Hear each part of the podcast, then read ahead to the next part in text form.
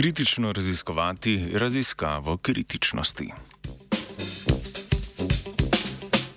Prejšnji teden se je na spletnem repozitoriju pred natisom arhiv pojavila študija o zaljubljanju s predlogom, da je ta občutek povezan s faznim prehodom druge stopnje v možganski aktivnosti.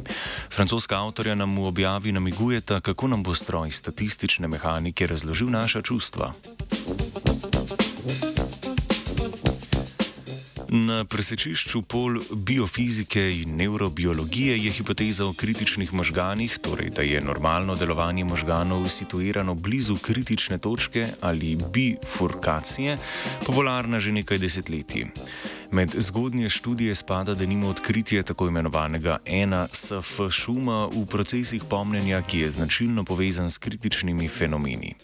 Zaradi te in drugih zgodnejših raziskav se neurobiologi že od 80-ih za opis skupin nevronov zatekajo v modele statistične mehanike, med drugim v kritično točko Izingovega modela feromagnetizma. Hipoteza o kritičnosti poleg ena SF šuma naslavlja tudi občutljivost možganov na stanje posameznih neuronov, saj v nasprotju s kritičnim obnašanjem urejenost močno omeji vpliv fluktuacij posameznega gradnika sistema na stanje celote.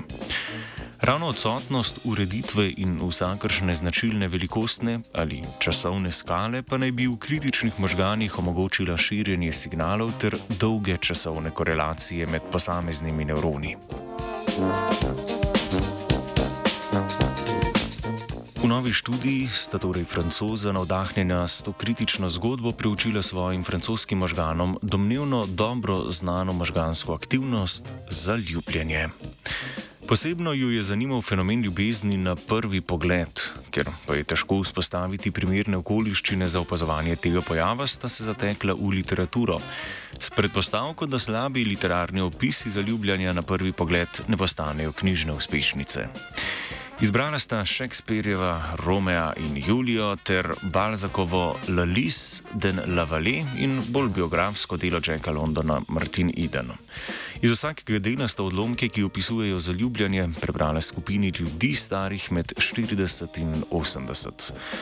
To izbiro utemeljujeta avtorja tako, kot navajata, da sta ta način izbrali ljudi vajne branja na mesto gledanja YouTube-a.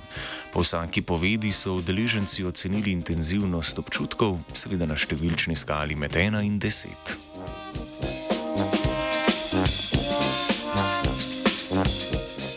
Matematizirane občutke sta na to podvrgla statistični analizi in poskušala poiskati potenčno funkcijo, ki bi opisala podatke. Avtorja sta navdih črpala iz francoskega pregovora, ki zaljubljanje opiše kot zadetek strele in preverila ustreznost korenske odvisnosti. Ta ne bi bila v tem kontekstu relevantna, saj predvideva divergenco v hitrosti spreminjanja intenzivnosti prav pri nastanku čustev. Podobno odvisnost z eksponentom nič celih 56 je zares dobro opisala meritve, kolikor jih lahko smatramo za meritve. Tu sicer ne moremo zares govoriti o potenčnem zakonu, ker bi za njegovo potrditev morali imeti podatke iz mnogo večjega časovnega okvira, ki bi obsegal več dekad in ne zgolj minuto ali dve dolge odzive na brani tekst.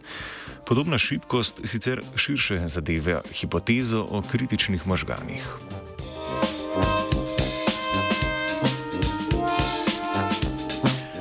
Za konec francoza še ugotovite, da je Balzakovo pisanje uspodbudilo občutke, ki so se dali še najlepše opisati z matematičnim zakonom. Zato sklenete, da je njun rojak Balzak res mojsterski poznavalec človeškega srca, V isti sapi dodajata, da njune teorije faznih prehodov zaljubljenosti s temi omenjenimi podatki ne moremo imati kot potrjene. Druge znanstvenike in znanstvenice pa vabita k opazovanju značilnih vzorcev v kratkočasovni čustveni dinamiki. Ali bo ta raziskava preživela strokovni pregled, pa zanima Martina.